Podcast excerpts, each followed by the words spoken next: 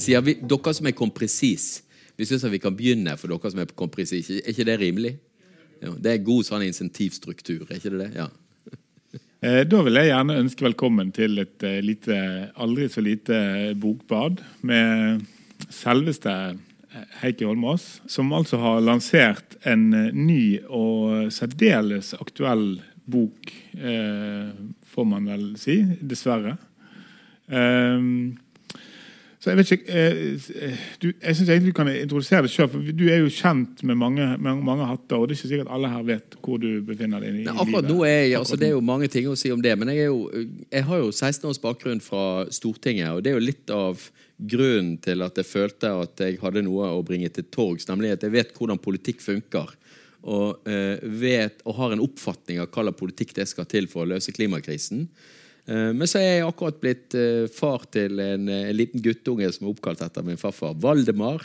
Så jeg har to barn som begge to, hvis snittene ligger som, de, som si, generasjonene utvikler seg, skal leve i år 2100. Det kan jo virke lenge til, men altså, det er bare et liv til. Så det er, liksom, det er den ene biten. Og så har jeg etter jeg var ferdig på Stortinget, og sånn, tatt ferdig utdannelsen min blant annet her på Handelshøyskolen i Bergen. og og, og eh, jobber i et selskap som heter Multiconsult, som driver på med detaljprosjektering av alt fra ja, eh, transformatorer og, og veier, og, men først og fremst store bygninger og, fornybar energi. Men mm. Eh, det er nå det jeg gjør i dag, og der er jeg bærekraftsjef og jobber med miljø. Men denne boken tok jeg fri fra Multiconsult for å skrive. for liksom, Dette er mitt eget. Dette er noe, dette er ikke politikken til selskapet eller politikken til SV, men alle som har kikket i boken, vet at det er noe altså, Jeg sier noe tydelig fra hvor jeg hører hjemme. da. Jeg hører jo hjemme på venstresiden i, i politikken med et klart ønske om, om uh, fordeling. Men også eh, å stoppe de, de, de verste bitene av de farlige klimaendringene. Uh, ja, altså jeg har jo uh, egentlig uh, I den grad jeg har noe tilhørighet, så har jeg jo en slags tilhørighet på litt rett på andre siden av, av den politiske streken. Jeg har trodd mye på markedsløsninger i det siste. Men også også i likhet med deg tror jeg, veldig veldig bekymret i veldig, veldig mange år for klimautviklingen. Og jobbet bl.a. med Klimastiftelsen og i tett med klimaforskere. Og fikk tidlig denne klimadepresjonsfølelsen. og kjempet meg gjennom den og fått en slags virkelyst på andre siden. Eh, og når jeg leste denne boken her, så følte jeg egentlig at den trigget et, eh, et slags eh, Den trigget et, en optimisme i meg. Det er jo, det synes jeg altså, og, jeg, Nå har jeg lest den veldig sånn intenst. Jeg har ikke fått fordøyd den. Men jeg opplever det som en veldig grundig gjennomgang av både den politiske historien og en status for utgangspunktet vi egentlig står i. Eh, den er veldig sånn faktaorientert, eh, men pedagogisk. Og den stiller også noen krevende prinsipielle spørsmål. Og den viker på en måte ikke unna dilemmaene, syns jeg. Så synes jeg, jeg opplever Og så er han på en måte teknologioptimistisk og politikkoptimistisk. Sånn, den, den det, det, ligger mellom linjene her at du, du har en genuin tro på at det er mulig å få til veldig veldig store ting eh, om man trekker sammen og gjør ting på riktig måte.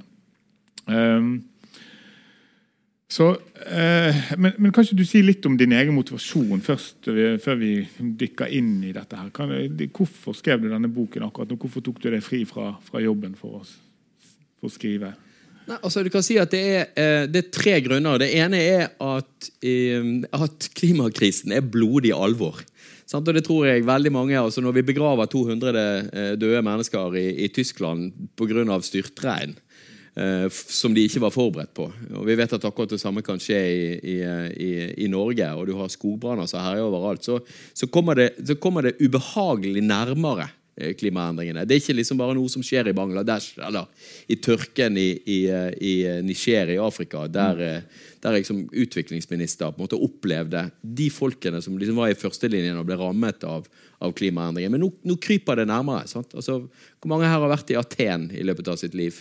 Opp med hånden, de som har vært i Aten. Ja, det er en del. sant? Nå brenner det, og det er liksom over 45 grader der. Og det er bare sånn, Over 45 grader, det er Det er ikke menneskelig. Altså, det er ikke, det er ikke, vi er ikke rigget for å, for å, takle over 45 grader. Jeg vet Min mor her, hun, hun når det bikker sånn 27 grader, det, da, da, blir det for sant? Og 45 er bare sykt mye varme. Så mm. Det ene er liksom erkjennelsen av at dette er blodig alvor. Og det andre var, at, øh, var dette her med at det var så mange ting, selv om jeg har jobbet altså Jeg gikk i demonstrasjonsdag her borte i 1990 eh, og ropte bla, bla, bla når, eh, når det var sånn ekspertkonferanse her borte der vi demonstrerte mot, for, for, klima. Før Rio-konferansen i 1992, der si, klimakonvensjonen og det, liksom, dette med å ta vare på naturen var, mm. var stort å gå rundt av. Men, eh, men, men jeg skjønte ikke et par sånn viktige erkjennelser på klima. og på klimaendringene og hvordan klimasystemet funker. Mm. Det skjønte jeg først sånn i 2018. På tross av at jeg har jobbet med dette ganske intenst i, i, i 20 år. Og da tenkte jeg, Det der må jeg dele med andre. fordi at hvis jeg ikke har skjønt det Og jeg tenker, jeg regner ikke meg som liksom stup dum, da. Så når jeg ikke skjønte det, så kan det hende at det er noen andre der ute som ikke har skjønt det også. Mm. Og så var det det tredje, og det er bare at det er veldig mange som har forslag til hva vi bør gjøre. altså hva tiltak, som vi sier. Altså, mm. vi, må, vi, må, kutte fossile utslipp. Sant? Det er liksom folk enige om. Vi må bygge fornybar energi. Det er det en diskusjon om. men det er på en måte, det er liksom sånn, Alle kan si det, og det er lurt å gjøre. Men, men hvordan få den rette politikken for å få det til? Det tenkte jeg at det er det ikke så sykt mange folk som har god erfaring med. Og så mm. ligger det da denne venstresidebiten i meg i bånn som sier at vi skal, vi skal altså gjøre noe som er utrolig vanskelig og det er store omveltninger. Masse utrygghet for arbeidsplasser. Masse, vi har en hel oljenæring som ligger der. Masse utrygghet. Eh, vi er nødt for å klare å få dette til på en rettferdig måte. Mm. For det er bare sånn jeg tror at vi kan klare å få til den store omveltningen til. For ellers vil folk protestere og gå imot. Ja. Eh, jeg syns jo at altså Dag Hestner kaller den boken et politisk innsideblikk på oljepolitikk og CO2. Eh, og og du, Vi kommer litt inn, inn på det, liksom den koblingen mellom miljøpolitikken og, og, energipolitikken som du er ganske tydelig på at, at er nødvendig. Eh, men sånn, etter å ha lest denne så syns jeg du gjør noe interessant. Eh, du utfordrer en del premisser for diskusjonen. Eh, og Det ene viktige og Nå tar vi litt sånn rask, for vi, vi, skal, vi, skal, faktisk prøve å komme gjennom de ti anbefalingene dine i løpet av denne samtalen. Så, så vi må liksom men, men jeg, du, altså, du ut, ut, fra det ene som jeg, jeg kan, kan, kalle for lavutslippspremisset. Eh, der rammene for diskusjonen har vært sånn ja, vi må kutte der det er billigst. Mm. Vi, må kutte, vi, må, vi, må starte med, med de, de, mest effektive kuttiltakene. Mm. Men så minner jo du på eh, at vi skal ikke bare redusere klimautslippet, vi skal, vi skal oppnå nullutslipp. Mm. Vi skal kutte alt. Mm. Eh, og Da blir det liksom rekkefølgeproblematikken som egentlig ligger til grunn for lavutslippspremisset. Det, det, det, utfordrer du ganske tydelig i boken. Eh, og Så opplever jeg også at du utfordrer på en måte ordet, det veldig utvannede begrepet bærekraft, eh, som ofte defineres i dag på en sånn glideskala fra veldig lite bærekraftig til ganske relativt mye bærekraftig. Men at det er på en måte egentlig litt sånn bære eller briste, ja eller nei, i større grad. Altså Selvfølgelig er det en glideskala der, men at er, vi er, står i en situasjon nå der bærekraft er liksom et enten-eller på et vis. da. Og det, og det er det liksom alvorsbakteppet som jeg, jeg, føler du spenner opp. Og så bruker du karbonbudsjett, altså metaforen, da, som, som klimaforskere altså Klimaforskere er jo fantastisk intelligente mennesker, men det er, jeg har lest mye klimaforskning, og de er ikke alltid flinke pedagoger og ikke alltid så veldig flinke til å kommunisere ut disse modell, systemiske modellene som de jobber med. Og Det opplever jeg at du gjør på noen ganske elegante grep. Du bruker to viktige metaforer. Vi kan ta de opp. liksom. Mm. Altså Det ene er jo eh, badekarmetaforen. Eh, ikke om du kan si litt om den, sånn at vi får dette her eh, jo, det kan jeg gjøre. Altså, dere ser et badekar her bak. sant? Før så trodde jeg det var sånn at uh, bare vi kom oss ned til et lavutslippssamfunn Det spilte liksom ikke noen rolle hvor tid det var vi gjorde det, men bare vi kom ned til et lavutslippssamfunn, slippe ut sånn to, to, tonn per innbygger, eller noe sånt, så var vi liksom home free. Da gikk dette her bra. Men så har jeg liksom skjønt, da, uh, og som sagt ikke, kanskje ikke før i 2017-2018, skjønt at klimasystemet er som et badekar. Og jo mer CO2 vi fyller oppi, jo høyere kommer temperaturen til å stige. Og Ut av det så finnes det to erkjennelser. Det ene er at temperaturen kommer til å fortsette å stige så lenge vi fortsetter å helle CO2 oppi badekaret. Eh, og hvis vi heller oppi mer CO2 enn det vi har lyst til, eh, f.eks. For fordi vi ønsker å nå et 1,5-gradersmål eller 2-gradersmål, så må vi suge ut igjen CO2 av atmosfæren for å ta ned igjen temperaturen. Og Vi vet ikke engang om det funker. Altså, altså, Vi vet ikke engang om vi får temperaturen ned igjen. Men det er, liksom, det er på en måte der vi er. Og oljeselskapene de legger inn premisset i dette her at jo, jo, men vi kan godt, uh, for, vi kan godt pumpe opp masse mer olje og, og, og, og, gjøre noe av dette. For vi kan ta ned igjen temperaturen og ta ut igjen CO2-en etterpå. Men da skjønner jo alle forstandige mennesker at det betyr at de har tenkt å tjene penger på å pumpe opp mer olje i den perioden der du på en måte fyller opp badekaret. Og så må noen andre i fremtiden ta regningen med å suge ut igjen denne CO2-en. Og Dette er jo dypt det er jo, det er jo, dypt uetisk, eller det er jo dypt urettferdig. Eh, at noen skal tjene seg rike eh, på å legge opp til at vi skal slippe ut veldig mye, og så etterpå skal vi komme og suge ut igjen CO2 over atmosfæren. Og så må vi som sitter, eller ungene våre, da, eh, min, min sønn og min datter, de må på en måte ta regningen på dette. Men denne erkjennelsen av at klimasystemet er som et badekar. Det gjør det jo, det jo to, altså Dette med at vi må til null, det betyr jo at akkurat sånn som du sier, at alle utslipp må vekk.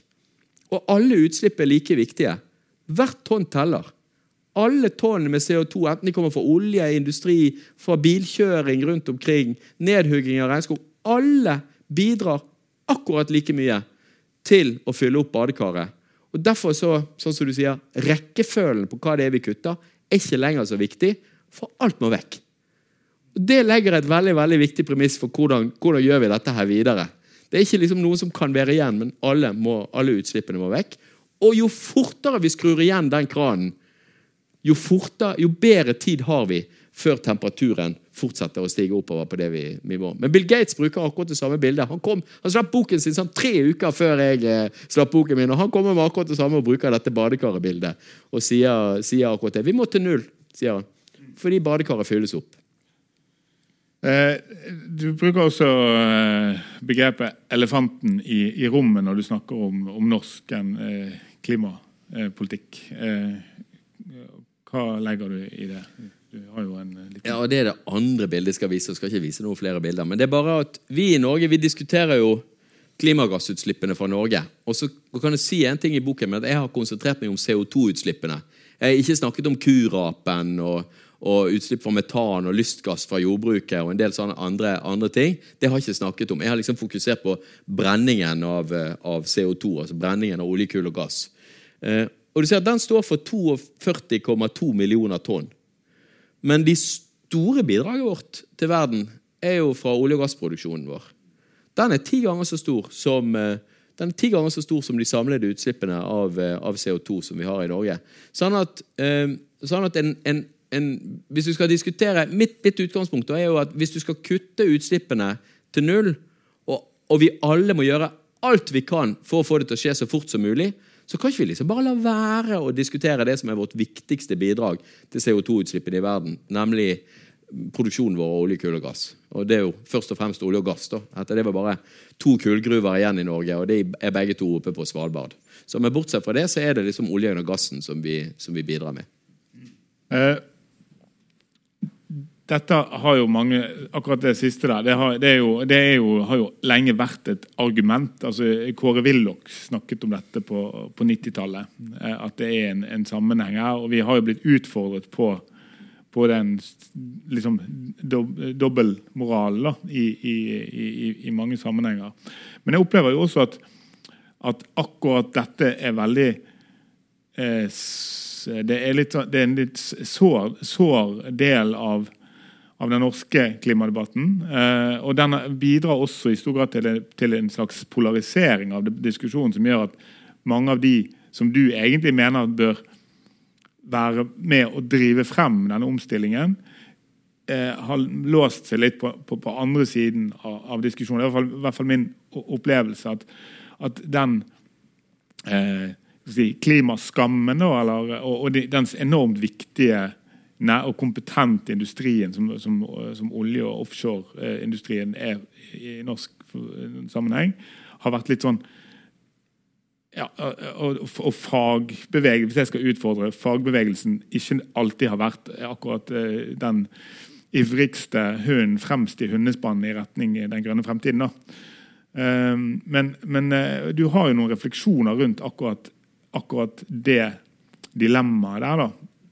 Bare tenkte Hvis du kan si litt om det, den problematikken. For da føler jeg du har noen nye, liksom nye perspektiver. Ja, altså jeg tenker, jo, altså, jeg tenker jo at Hvis vi skal få til en omstilling i Norge så at Vi er Norge. Hva er det, liksom, hva er det politikerne i Norge fra høyre til venstresiden snakker om når du snakker om på en måte det beste med Norge? Altså vi På venstresiden så snakker vi ofte om at det er fordi vi har små forskjeller. Men alle snakker om samarbeidet mellom fagbevegelsen, staten og, eh, og arbeidsgiverorganisasjonene. sant?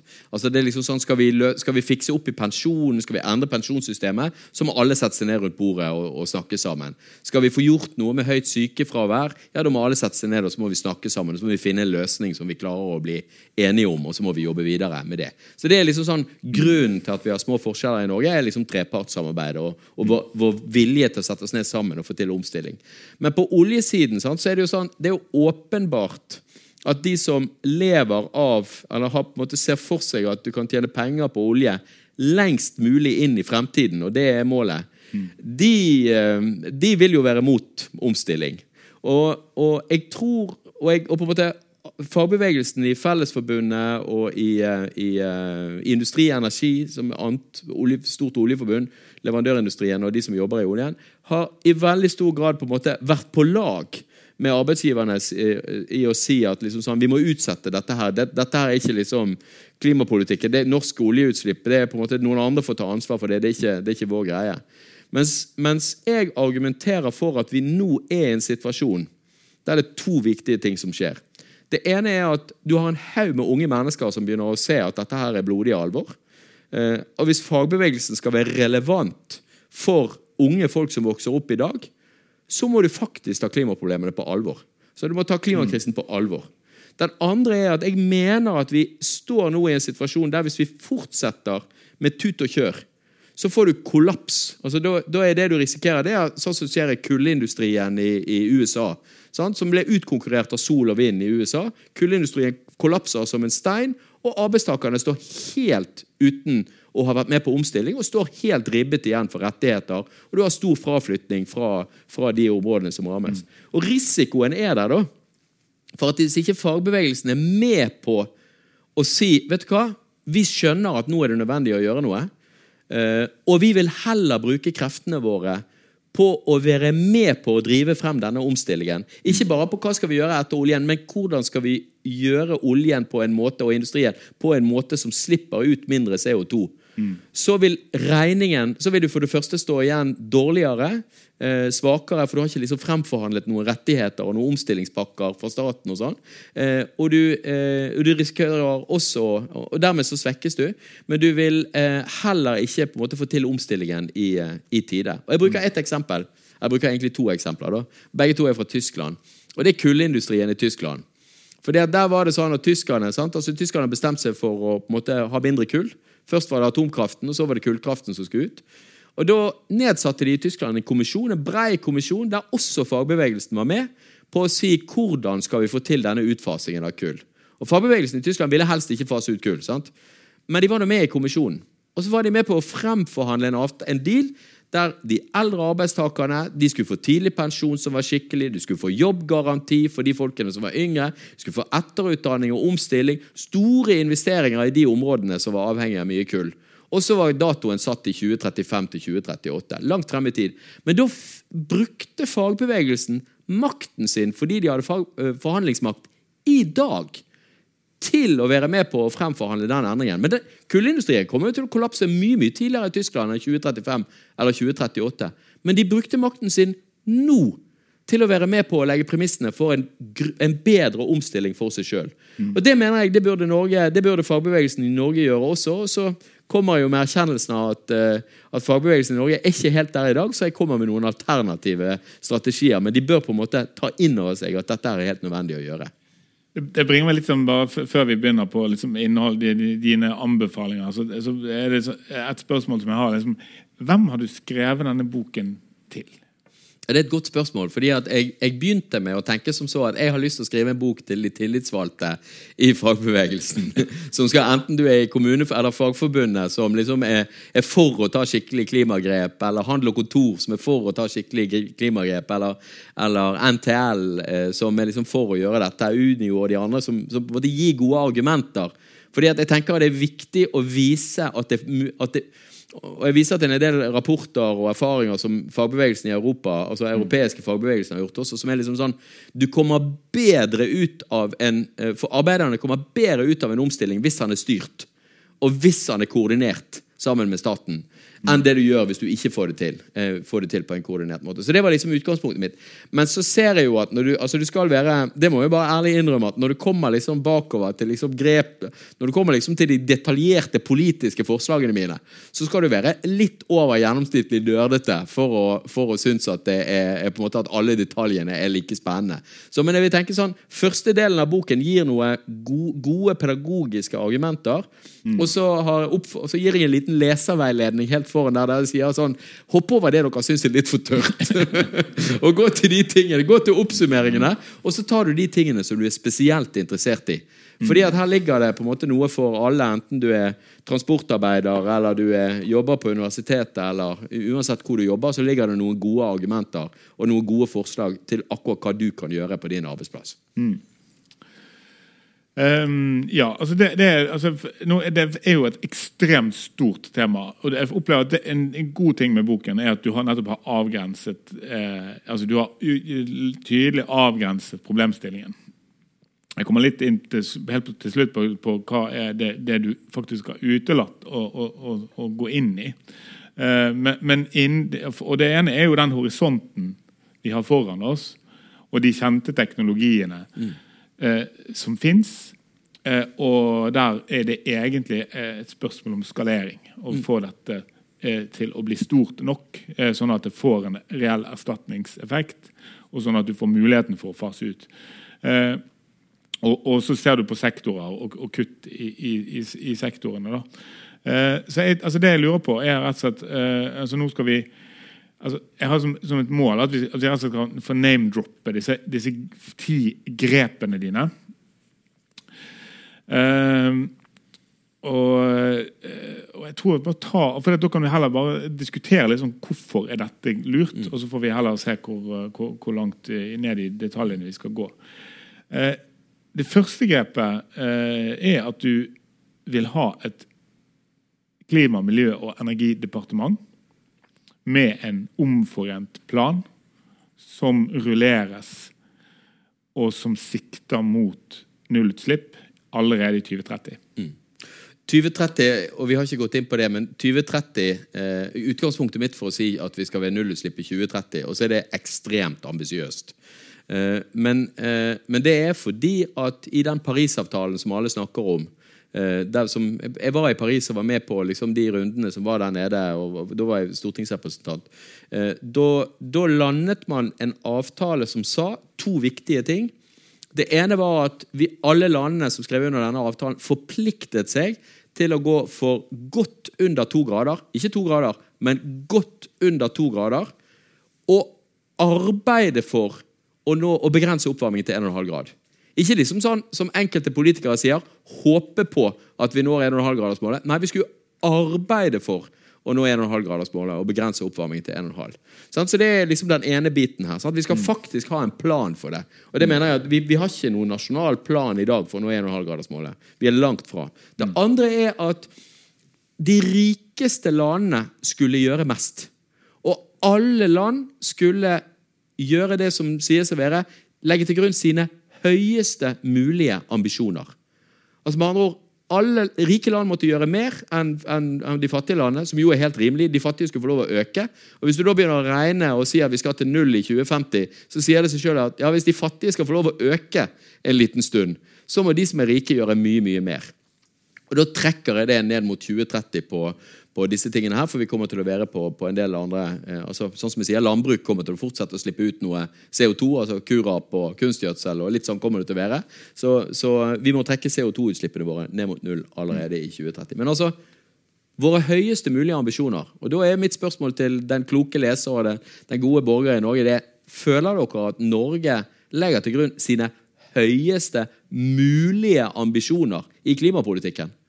Altså, det, det, altså jeg, jeg, kjenner ikke ett anstendig menneske som er villig til å si ja på det spørsmålet der. Mm. og det, det, tenker jeg er liksom utgangspunktet for dette. Ja. Men, men du, du, du, er I det grepet der så gjør det jo en viktig ting at du kobler klima, miljø og ja. energi i ja. ett departement. Med, hvorfor er det viktig? Fordi at hvis du skal lage en plan for å eh, nå klimamålene, så må vi legge klimamålene til grunn. Mm. Du begynner med klimamålet. Vi skal til null. Og om det så blir at vi skal til null i 2035 eller 2040, eller uansett hva det er man blir enige om på Stortinget, så bør man ha en plan. Den bør inneholde to ting. Den bør inneholde hvordan skal vi klare å kvitte oss med all den fossile energibruken frem mot dette. Da vet vi at vi trenger to ting veldig sterkt. Vi trenger voldsomt med energieffektivisering, og vi trenger ny fornybar energi. Og Jeg mener, altså, en av de, altså jeg har jo jobbet med vindkraft, eh, og derfor skriver jeg veldig lite om kraftpolitikk i denne boken. Sant? Altså, Hva type kraft skal vi ha? Det går jeg ikke noe særlig inn på. Det, du hadde kanskje tenkt å si det senere, men altså, jeg går ikke noe særlig inn på det fordi, fordi at, jeg, jeg, mener at det ligger masse dilemmaer her. Sant? Mm. All ny fornybar energi eh, krever eh, Eller mesteparten av ny fornybar energi krever plass og medfører naturinngrep. Mm. Og avveiningen av hva, hvordan klarer vi å bygge ut den fornybare energien som er nødvendig, eh, med minst mulig naturinngrep, det mener jeg det er lurt at ses i sammenheng. Sånn at De som sitter og planlegger for den nye energien vi trenger, de kan sitte der og si liksom sånn, ja, ok, greit, men vi skal ha så og så mye ny energi, men den minst naturinngripende måten å gjøre det på er hvis vi gjør det på denne og denne og denne måten. Da tror jeg én ting vil skje.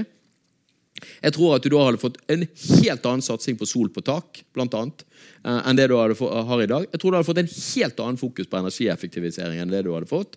Og så hadde, fått, og så hadde de vært nødt for å liksom se disse ting, dilemmaene opp mot hverandre, istedenfor å ta én og én diskusjon sånn som du gjør i dag. Ja eller nei til vindkraft? Ja eller nei til havvind?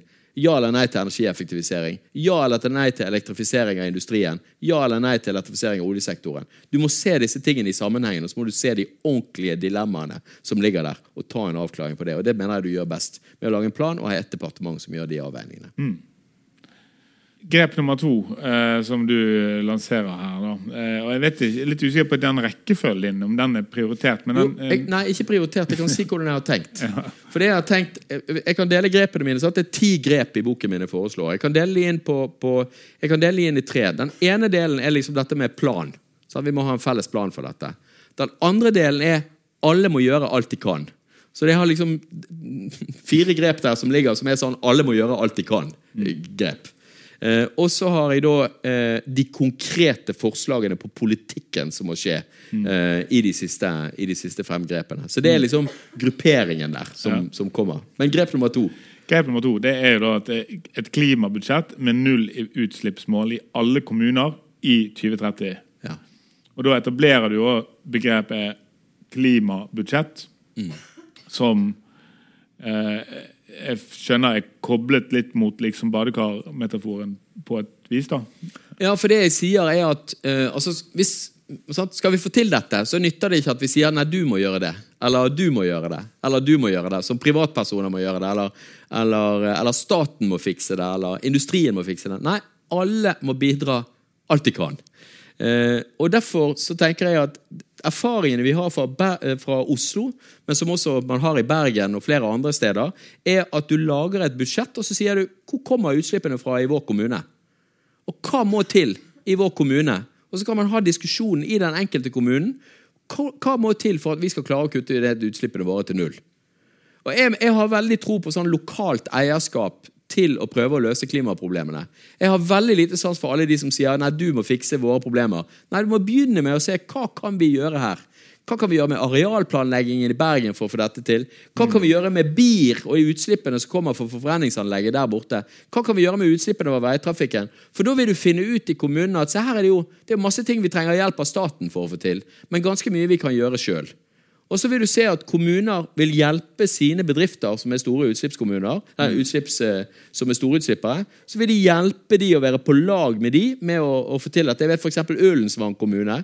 De står jo på for å hjelpe til med at noe av den industrien som fins i Odda og sånn, eh, i Tyssedal at de, de jobber for å få på plass ordninger som gjør at industrien kan omstilles til null. Fordi du har et eierskap lokalt i å kutte utslippene. Men igjen, du trenger en plan. Og du trenger tiltakene og grepene for å følge det opp. sånn at du kommer til null. Og I forlengelsen av det så jeg har også grep nummer tre, som handler om at du ønsker å pålegge klimarapportering og planlegging for nullutslipp for alle virksomheter i 2030. Ja. I, I det så legger du alle private virksomheter, vil jeg tro. Og, Ja. ja. Det vil jeg.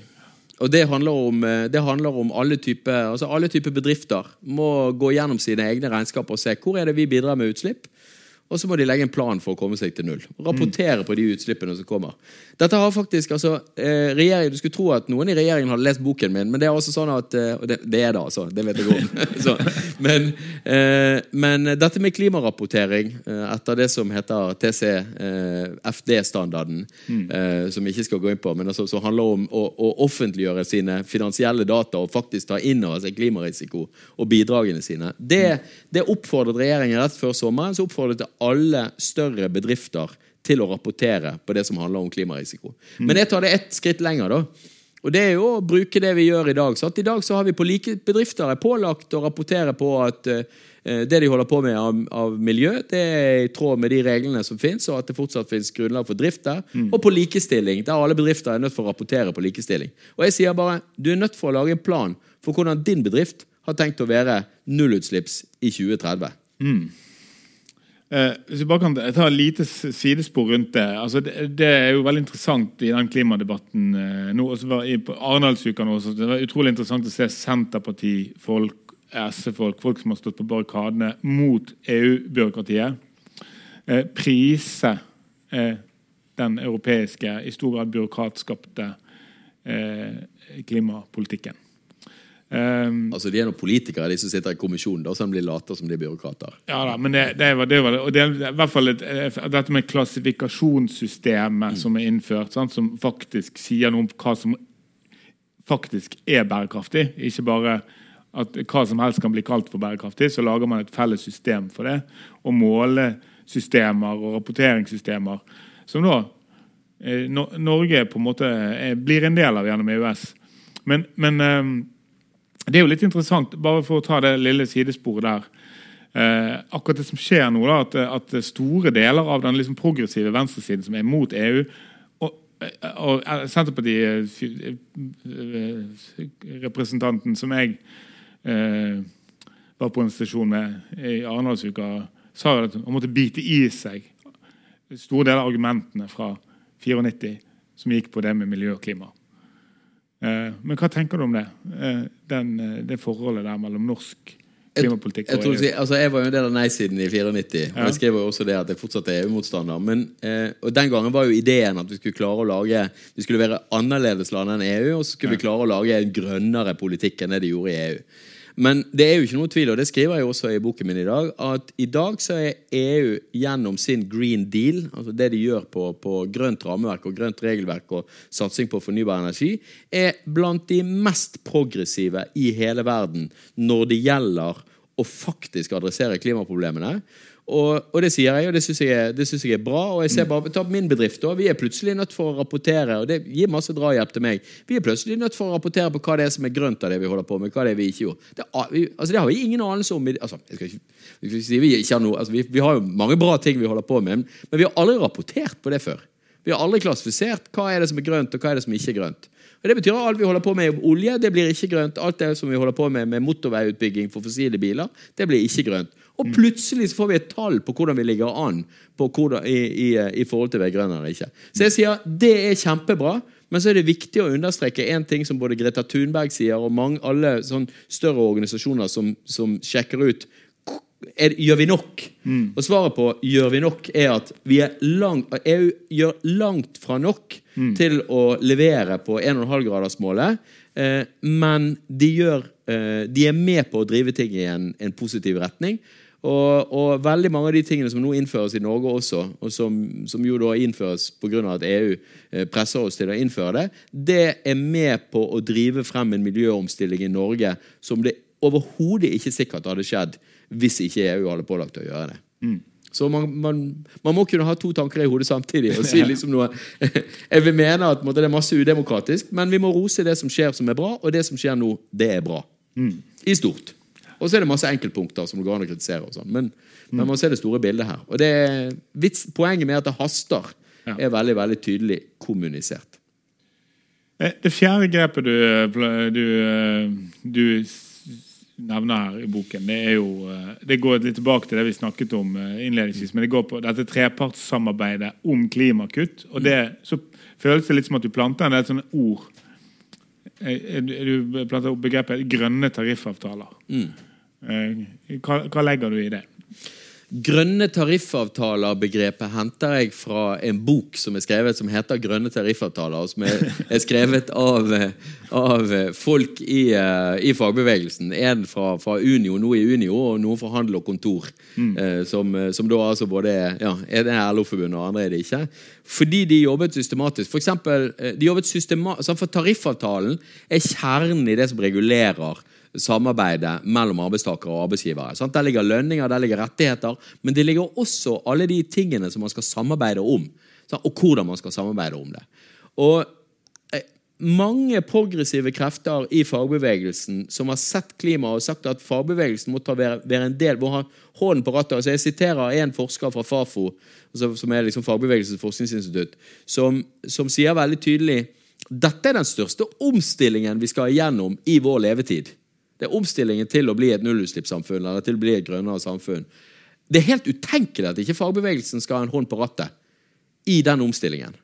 Hvis vi mener alvor med den norske modellen. Mm. Så poenget mitt er å si se her at, uh, at uh, noen forbund noen, altså I kommune og stat og en del forbund så har man tariffavtaler der man har fremforhandlet hvordan skal man legge til rette for mer eh, si, grønn arbeidstid. Hvordan skal man på en måte få innflytelse på hvordan driften i virksomheten skal være grønn. Mm. så Mer innkjøp som, basert, som, tar hensyn til klima, tar hensyn til miljø, arbeidstakerrettigheter, den type ting.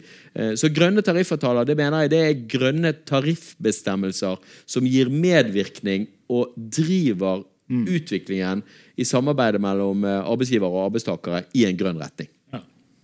Nå går vi bare gjennom disse grepene. Jeg, jeg kan, jeg, kan jeg få si én ting til om akkurat dette med grønne tariffavtaler og trepartssamarbeidet? Okay. Superkort. Ja, det Fordi at det er et kjerneelement i boken. Ja. Det, er, eh, det, er, at, eh, sånn som jeg sa i sted, store omveltninger det må man styre, og der må man samarbeide. Det som er interessant å merke seg, er at når industribedriftene la frem sin plan for å bli null i 2050, ha nullutslipp i 2050. Så da la de frem en plan og sa vi har tenkt å kutte halvparten av utslippene våre frem mot 2030. Men vær så snill, staten, inngå en forpliktende avtale med oss. Det var arbeidstakerne som sa, det var industribedriftene og alle eierne og NHO som sa. Og utfordret staten til å være med på denne omstillingen. For det industribedriftene trenger, det er forutsigbare rammevilkår. Sånn at de tør å ta investeringer at de vet hvor de skal være om ti år. For dette er store investeringer i milliardklassen som skal gjøres for å rense vekk CO2-en, for å investere i ny teknologi, for å forske på ny teknologi som, gjør, som er billigere og bedre, og som kutter utslipp i fremtiden. Men det trenger de hjelp av staten til å være med på. Eh, men da trenger de forutsigbarhet. Og i Norge så har ikke de den forutsigbarheten. Og det, det, er en av de tingene som jeg opplever at eh, både Arbeiderpartiet, SV og, og Senterpartiet og Miljøpartiet De Grønne sier veldig veldig tydelig klart, klar beskjed på om.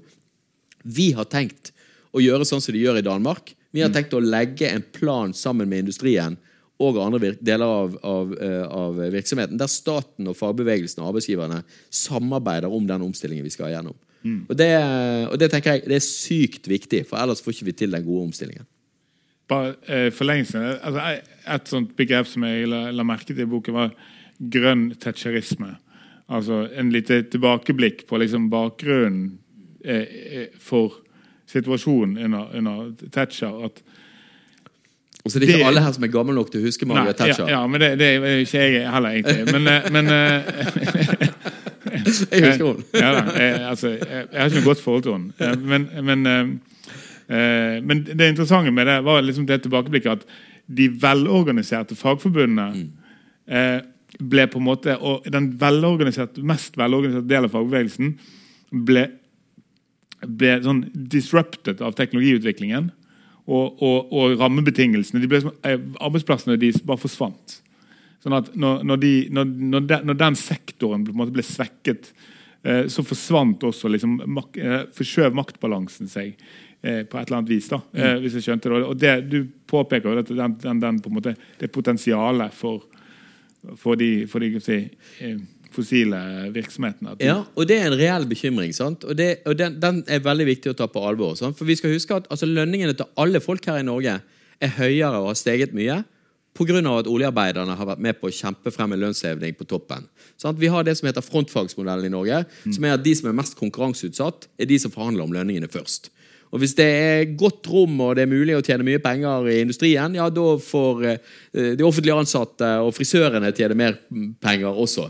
Sant? Selv om det ikke liksom er like mye altså selv om du ikke har måte like mye produktivitetsvekst eller like høy verdivekst på alt det arbeidet som er gjort der. Men hele poenget er at de har vært de best organiserte i, eh, i Fellesforbundet og i Industri og Energi. At de best organiserte, de beste tariffavtalene.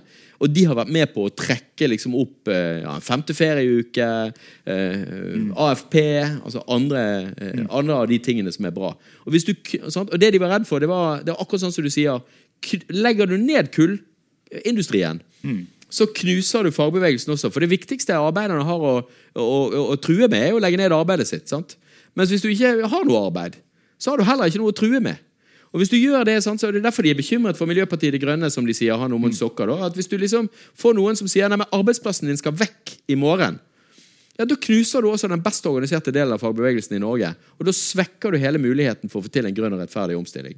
Og Det synes jeg er liksom argumenter som er verdt å ta på alvor når du, få, når du skal gå inn i den omstillingen vi skal gjennom. Du er nødt for å ta vare på og sikre altså Det kommer ikke til å bli like lønnsomme arbeidsplasser i, for oljearbeiderne i fremtiden, de som i dag er oljearbeidere. Men det kommer til å være skikkelige arbeids, det skal være skikkelige fag, eh, tariffavtaler, skikkelige lønnsbetingelser, men altså på en litt annen, annen måte. Og jeg synes jo at det bildet til en av de eh, til han Omund Stokka, da, som er tillitsvalgt, han hadde et sånt bilde der på å si sånn at eh, Husk, sa han, at noen av de folkene som jobber på en av disse plattformene med å bore brønner for å lete etter olje, som er liksom det mest forurensende på et vis du kan gjøre, mest miljøtruende du kan gjøre, de går plutselig over, og så skal de, være, og så skal de bore etter reservoarer der vi kan lagre CO2-en.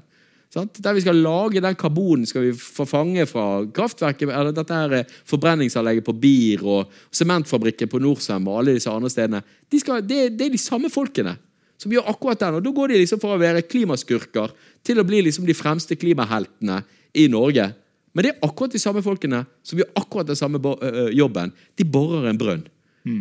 Og Det er igjen et bilde som er verdt å ta med seg om å si at det er mye kompetanse her som må anerkjennes, og som må være med og brukes i det grønne skiftet som vi skal gå igjennom.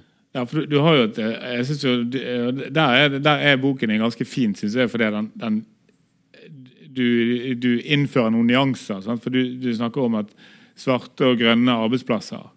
Det er jo ikke arbeidsplassen som er svart eller grønn, det er jo ordren som kommer inn til altså Det er jo, det er jo markedets etterspørsel som er svart eller grønn. Og, og man responderer på det som fins av, av jobb der ute. Og da er det på en måte politikkens eh, oppgave å sørge for at, eh, at eh, de økonomiske rammebetingelsene styrkes for, for de grønne oppdragene, da, eh, og, og svekkes for de, for de svarte. Ja. Det, eh, Og der, tar jeg jo, der bruker jeg jo, og da kan vi jo, Dette er en glidende overgang til neste grep. ja. Eh, ja, det er jo krav om nullutslipp i alle offentlige anskaffelser. Ja, sant? For det offentlige kjøper for 400-500 milliarder kroner i året.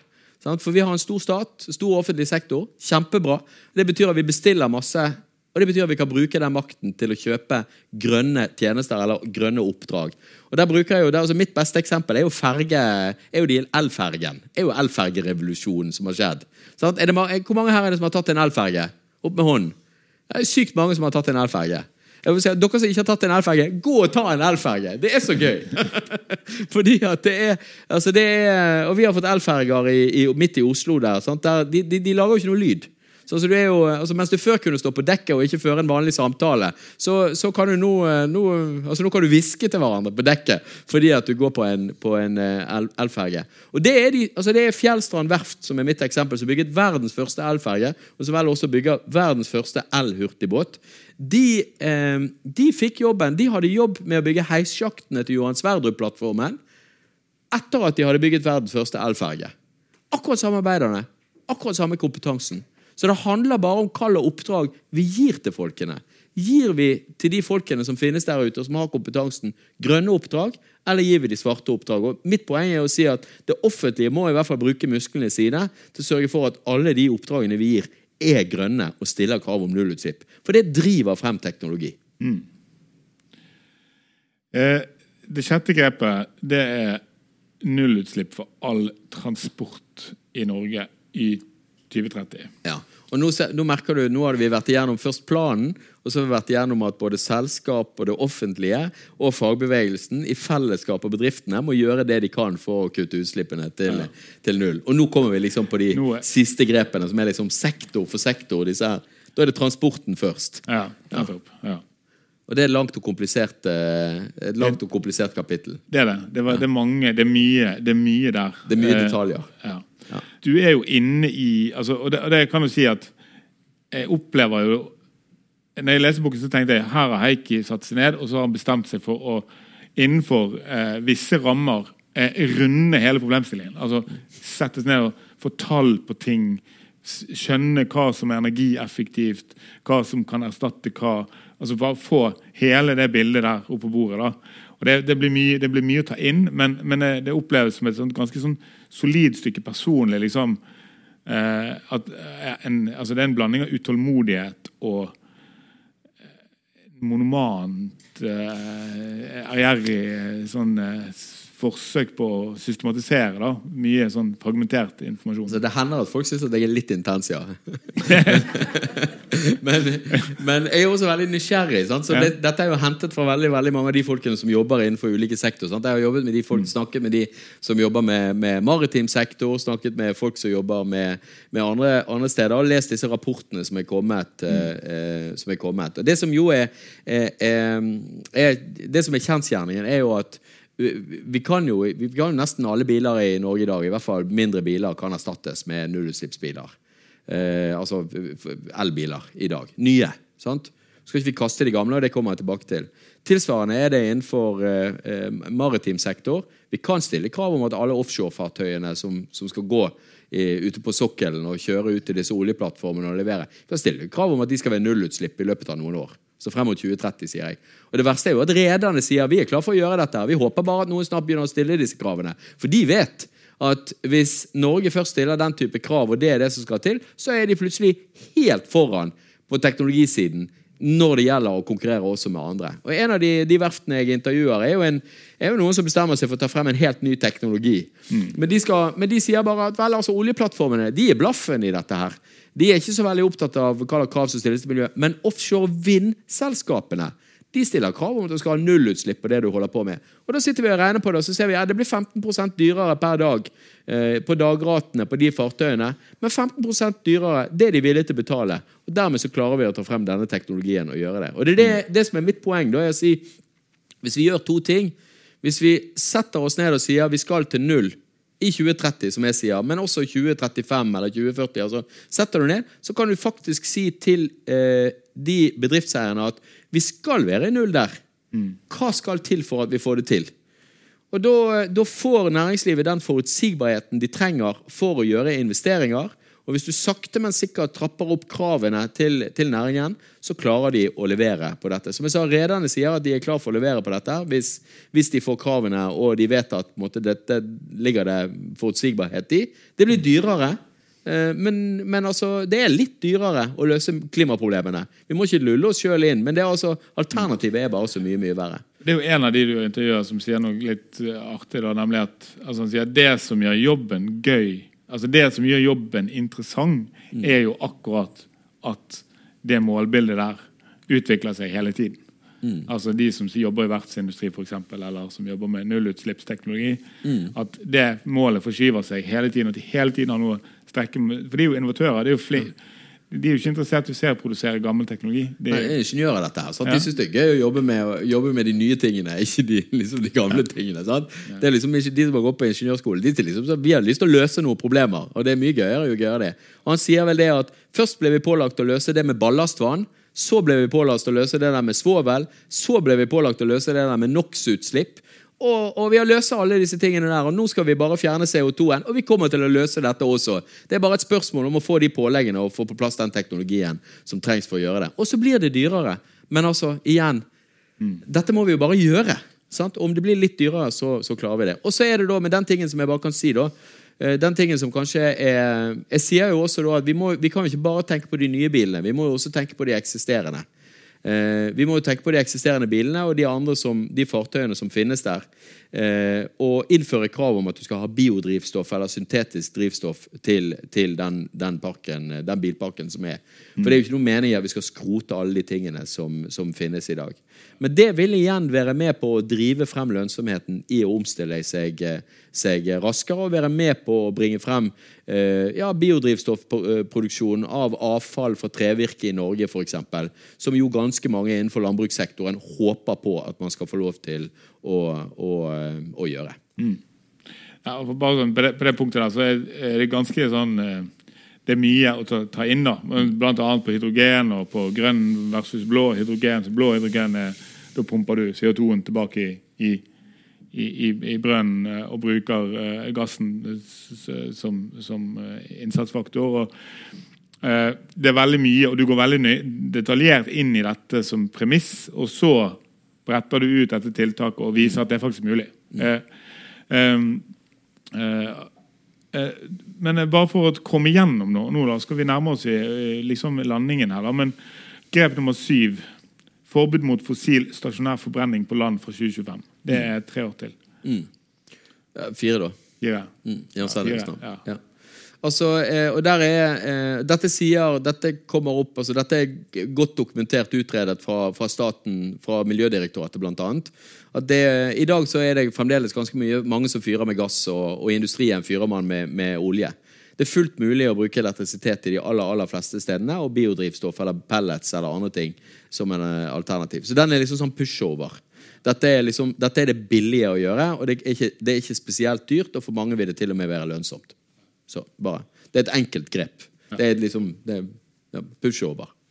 Og så sier du at grep åtte som i forlengelsen er krav om nullutslipp i industri og avfall. uh, uh, og du vil stille krav nær nullutslipp. Ja, og, Ja. og det var det jeg snakket om i sted med, med altså i dag, en, en ting som, altså et, en myte da, det er at vi har verdens reneste industri. Sant? Hvor mange er det som har hørt det at vi har verdens reneste industri i Norge? Vi har verdens, ja, ganske mange som har hørt det at vi har verdens reneste industri. Og det er på ett vis riktig, sant? for vi bruker jo vannkraft istedenfor å bruke kullkraft for eksempel, eller gasskraft til å drive industrien vår. Men veldig mye av vår metallindustri bruker kull. Hvor mange her er det som visste at kull var eh, kullutslippene og kullutslipp var, var, var, helt, var, en sentral innsatsfaktor i industrien? Opp med hånden alle som visste om at vi brukte massevis av kull i Norge. Det, altså, det er ikke mange. Det er, noen som tør å reise opp hånda. Men det er det ingen som har fortalt oss. Uh, og jeg skjønte det ikke før liksom Og det er jo, det er jo fordi du bruker kullet til å suge ut oksygen. Sant? Alle har sett en rusten bil eller rust. Sant? Alt vi finner i naturen av jern, det er rustent. Sant? Det har oksidert. Det er oksygen knyttet opp mot det.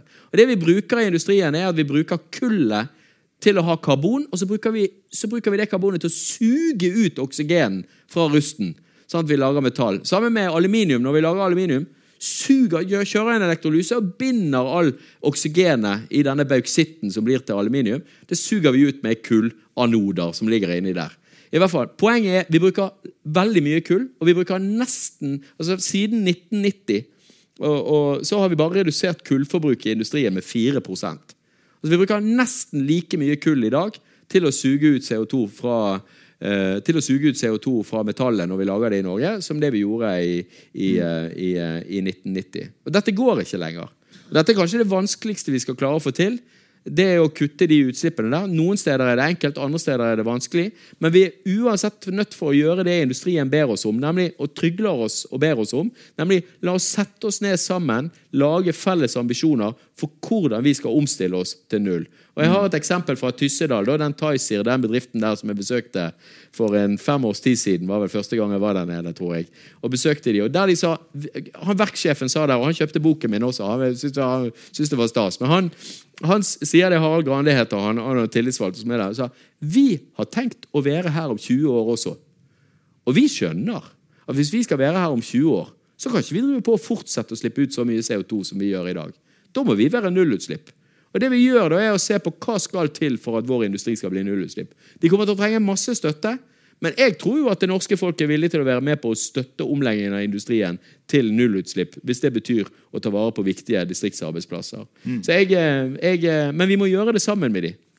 For det er ingen der som tør å gjøre den investeringen av seg sjøl. Men det er også enormt forurensende industrien. Masse kull som brukes i, eh, i, i industrien.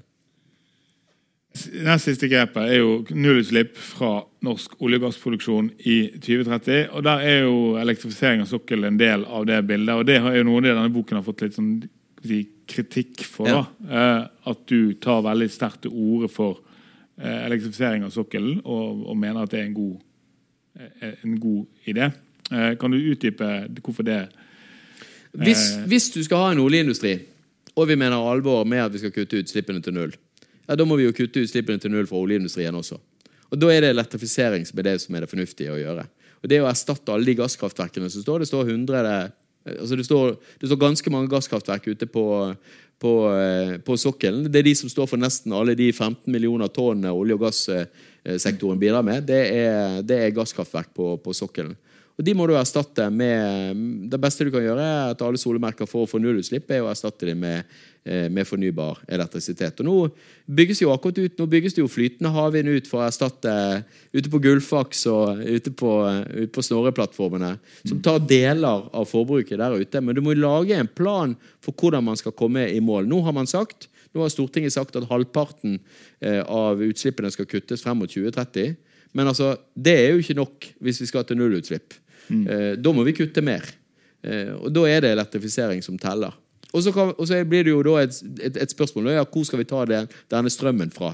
Og Det går jo ikke jeg nøyere inn på i boken, men jeg sier at det er helt åpenbart at havvind kommer til å være viktig. Men jeg setter ikke ned foten og sier at det er nei til all, all elektrifisering fra land. Men det er, med, det er, en del som har sagt sånn at jo, jo, men er ikke det dumt? da? Den gassen blir jo bare pumpet ned til Europa, og så kommer det inn under kvotesystemet og alt mulig sånn. Men mitt poeng er bare å si veldig enkelt hvis du mener alvor med at vi skal til null, da må du mene det. Da må du til null overalt. Også offshore. Også i industrien også de stedene som en del av, av det store kvotesystemet i EU som, eh, som på en måte folk dytter på. For Det eneste vi vet helt sikkert, er at hvis vi lar være å kutte de utslippene og elektrifisere offshore-installasjoner, altså oljeplattformene, til null, så kommer de til å fortsette å slippe ut CO2 i tiden som kommer. Og Det er ikke akseptabelt hvis vi skal stoppe klimaendringene. Mm. Eh, siste, Du har spart den, eh, den saftigste konfekten eh, til slutt i konfektesken. da. Men du har altså et grep nummer ti som heter 'fjerne utslipp fra, norsk, fra bruk av norsk olje og gass'. Ja. Og Det du egentlig argumenterer for, da, det er at de som utvinner olje og gass, skal pålegges ansvar for å kutte utslippene fra forbruket av oljen og gassen de produserer. Ja. Og det er enormt dyrt. ja. men, men, la meg si det sånn, men dette er jo akkurat sånn som vi startet. Vi kan ikke diskutere norsk eh, klimapolitikk og Norges innvirkning på klimaet i, klimaet i verden hvis vi ikke diskuterer det som er det viktigste, nemlig utslippene fra oljen og kullen og olje og gassen som, eh, som eh, brennes. Eh, og, og da, da, bruker jeg da dette argumentet med kullindustrien og sier at antageligvis altså Jeg sjøl personlig tenker at det mest fornuftige, mest styringseffektive, hadde vært å si la oss eh, bli enige om hvordan vi skal nedlegge norsk oljeindustri. Mm. Men så sier jeg men det får ikke fagbevegelsen med på. Så da må vi finne en nest beste løsning. Og en nest beste løsning er å gradvis gi ansvaret til oljeselskapene som driver i Norge, å ta ansvaret for utslippene som de påfører verden. Det det, og det kommer til å bety nedlegging av de minst lønnsomme oljefeltene, mens de mest lønnsomme oljefeltene vil da være med på å drive frem eh, eh, både karbonfangst og -lagring, gassen vår, som vi i dag produserer. Eh, hvis du blir pålagt at den gassen, må oljeselskapene som tjener penger på den gassen, må ta ansvaret for CO2-fjerningen fra den gassen Altså, jeg vet ikke om alle her er kjemi, vandrende kjemilaboratorier inne i hodet, men eh, vandrende periodesystemer. Men hvis du tenker deg gass, da, eller eh, Det vi pumper opp fra Nordsjøen, er jo, er jo metan. Og så er det masse andre ting. Men la oss si metan er liksom det viktigste. Den består av ett karbonmolekyl eh, og fire hydrogenmolekyler. Hvis du fjerner karbonet, hva er det du har igjen da? Ja, da er det hydrogen igjen. Og Hvis dere ser hva det EU holder på med, og det, vi, det, vi, det, de holder på med i Storbritannia, og som Equinor er med på å teste ut der borte, så er det altså en storstilt satsing på hvordan kan vi bruke hydrogen istedenfor å bruke karbon. Altså Istedenfor å bruke denne metanen, altså gassen, som som vi eksporterer. Og Hvis du pålegger oljeselskapene å ta ansvar for utslippene sine, så blir det plutselig lønnsomt for gasseksportørene å ta ansvar for karbonfangst og -lagring og Da er du plutselig med på å si at vi trenger mye flere av oljearbeiderne som er med på å legge til rette for karbonfangst og -lagring. Vi trenger å bygge opp industri som, baser, som lager hydrogen eller ammoniakk, som da er hydrogen bundet til andre ting. altså Som bruker hydrogenet eh, og tar ansvar for karbonet eh, sjøl. Du er med på å utvikle en industri gjennom å pålegge oljeselskapene å ta ansvar for å håndtere problemene de påfører verden, og dermed skape frem en, en, eh, en ny industri. Alternativet er jo at vi er nødt for å ta ansvar for det, mens oljeselskapene stikker av med hele fortjenesten. Og Det mener jeg, det er dypt, eh, det, det funker ikke. Da får ikke du tempoet som du, eh, som du vil på dette. Så Det er på en måte grunn, grunnholdningen min oppi dette. Det vil være med på å drive frem teknologi. Det vil legge ned de minst lønnsomme delene, og sakte, men sikkert vil du få en omstilling av, av, av oljen. Og Det mest interessante det er jo at Når du hører Erna Solberg snakke om dette, når de la frem sin klimamelding fra regjeringens side, så sa Erna Solberg at vi tar ikke ansvaret. Har, hun fikk spørsmål fra journalistene om liksom sånn, ja, men hva med olje og gassen. Og så sier hun bare sånn, nei, Utslippene for olje og gassen de er i andre land. Det er et grunnleggende prinsipp her. Det er i andre land i verden. Det har ikke vi noe ansvar for. Men Statoil-sjefen Anders Oppedal, når han tiltrådte, så sa han at i 2050 skal vi sørge for å være klimanøytrale. Og Det betyr kutte like mye CO2-utslipp som det vi påfører verden. CO2-nøytrale også fra produsert olje og gass. Så vi er altså et sted der Statoil-sjefen på et vis, eller Equinor-sjefen, erkjenner et ansvar. Han har i hvert fall tenkt å legge til rette for at selskapet hans i 2050, som er altfor lenge til Men premisset har han kjøpt om at vi skal være med på å ta ansvar for utslippene fra vår egen olje vi produserer, mens Erna Solberg, som eier Equinor, ikke vil være med på å ta det ansvaret. Det syns jeg, eh, jeg, er en interessant observasjon, kan jeg, kan jeg vel si. Mm. Eh, og så må vi dytte oljeselskapene til å si at 2050 er altfor lenge til. Vi må begynne med dette allerede i 2025. Vi må være på plass med dette allerede i 2035. For da tar vi 1,5-gradersmålet på, ansvar, eh, på, på alvor. Eh, vi skal gå inn for landing. Altså, men det, det, er jo en del ting eh, sånn, det, det, som er litt interessant med boken, er at du har en veldig tydelig eh, Heikki-stemme i den boken. Det er veldig det er befriende, spør du meg. Og, og, liksom, når noen har vært en talsperson for et si, meningsfellesskap som går ut og, og, og er litt sånn ærlig om egne tanker om dette. Det føles jo litt som et sånn inn inns, eh, sånn refleksjonsnotat i forkant av denne trepartssamarbeidet som sikkert kommer i stand nå etter valget. da. Eh, eh, så har du plantet noen, noen, referanser. Men det er også en del ting du ikke snakker så mye om mm. i boken. her. Og du, du, er inne på altså, Vekst mm. er jo et tema. Mm. dette individuelle, liksom forbruker kulturen eller forbrukerkapitalismen, hvordan den har liksom avleiret seg i hver enkelt eh, eh, person, og det ansvaret hver enkelt av oss har, mm. er du på en måte ikke innom. Eh, som du sier selv, forholdet med lam, Du er veldig for fossil forbrenning. Det er mye annet i det biologiske systemet som er også liksom omstridt. Men du styrer ganske greit unna mange av de vanskelige spørsmålene. Mm.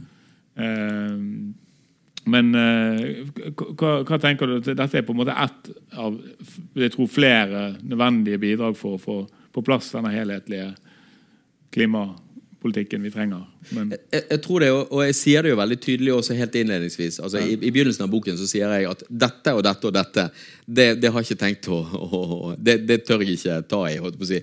Det er ikke, men og det er fordi jeg må avgrense det.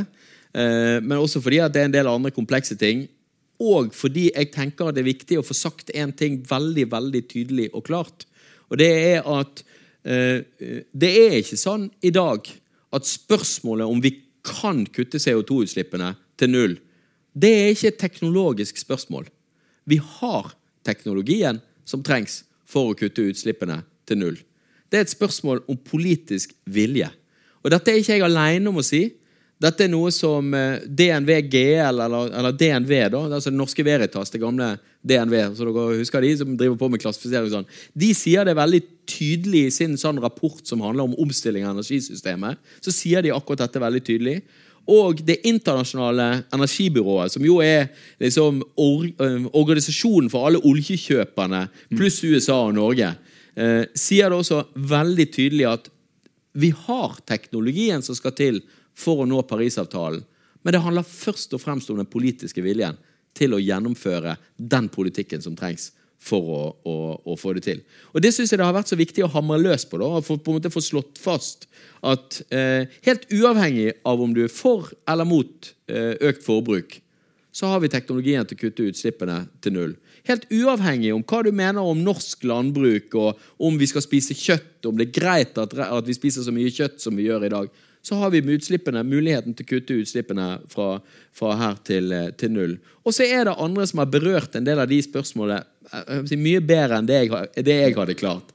Jeg vil f.eks. anbefale han Dag O. Hessen sin bok 'Verden på vippepunktet', som jeg refererer til flere ganger, og som jeg syns er en veldig god eh, oppstilling der.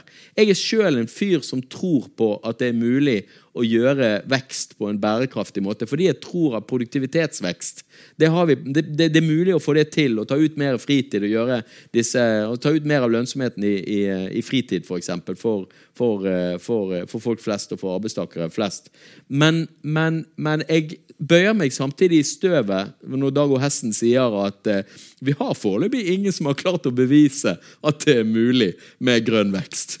Og Derfor er det litt sånn der, ok, men Da lar vi den diskusjonen ligge og så konsentrerer jeg meg om det som jeg synes er viktig å få flatt, nemlig at om vi når Parisavtalen, det er ikke et teknologisk spørsmål. Vi trenger ikke Det er ikke sånn, altså Ekte teknologioptimister de tar teknologien i bruk. De sier ikke bare om at ja, men det er så flott med ny teknologi. Ny teknologi kommer til å løse disse tingene. Mm. Vi bruker den som finnes i dag, fordi vi har det som skal til for å kutte utslippene til null. Eh, altså du, er jo en, du, er jo, eh, du har jo en, en, en tydelig og sterk stemme, og du, og du, eh, du eh, i denne boken slår deg jo ganske løs med å, liksom, å, å komme med veldig konkrete eh, forslag. Men samtidig har du jo stått i ganske heftige politiske forhandlingsprosesser og i ganske mye seig eh, materie og kjent på mye motkraft, vil jeg tro, i departementer og i ulike Eh, også fagforeninger. Og, altså, så du, du, vet jo litt om mot, motstanden og, og, de mange hodene som på en måte må overbevises. om det. Men hvor optimistisk er du på at det budskapet her faktisk manifesterer seg i liksom et progressivt samarbeid mellom de partene som trenger å samarbeide? Uh, jeg vil si litt optimistisk. Ja. Mer optimistisk nå enn for to uker siden. altså jeg tenker at Den klimarapporten som kom fra FN, altså det, det er ikke tilfeldig. altså jeg, merker, jeg, jeg, vet ikke hvor mange her, hvor mange her som har finlest Arbeiderpartiet sitt partiprogram i, i, i år jeg kan, jeg kan, erkjenne at jeg har finlest det som ligger på, på, på, liksom på økonomi. og på sånn. De sier andre ting i dag om det som handler om oljevirksomhet og det som handler om det som skal skje på sokkelen. Før så var det sånn videreutvikle sokkelen, ha på en måte opprettholde aktivitetsnivået på norsk sokkel. Nå sier de ikke det. Nå sier de opprettholde aktivitetsnivået, men dreie over til de nye altså offshore vind og karbonfangst og -lagring. Mm. Mm. Og du ser at på disse partitestene nå, når Aftenposten og sånn spør, så er det Høyre og Frp som er de eneste som kommer på sånn tut og kjør i oljepolitikken. Arbeiderpartiet plutter seg plutselig midt imellom. Og det betyr jo altså Arbeiderpartiet hadde aldri turt å gjøre det hvis det ikke var fordi de var i dialog med LO om hva er det som er mulig å gjøre. Og jeg mener jo bare sånn Det, det er overhodet ikke sånn at kampen er vunnet, men det er i hvert fall sånn at, man, at det er ganske mange i fagbevegelsen som eh, både erkjenner at nå er det blodig alvor, men også erkjenner at det er ikke lenger mulig å stå Hvis du skal være på en måte ved en fremtidsstemme, så er det ikke mulig lenger å stå og si tut og kjør i olje. Fordi at det er så utrolig mange som bare vet at det er jo ikke sant. Det er jo ikke mulig. Hvis vi mener alvor med 1,5-gradersmålet, og at vi skal ta klimakrisen på alvor. Veldig bra. Siste spørsmål eh, er, jeg faktisk fikk på Twitter. faktisk. Eh, på Twitter? Er, du, er, du, er, du, eh, ferdig med politikk, eller er det sånn at vi, vi risikerer at vi plutselig får et, en Holmås i den, den nye forhåpentligvis rød-grønne med vektbetoning på grønn regjeringen?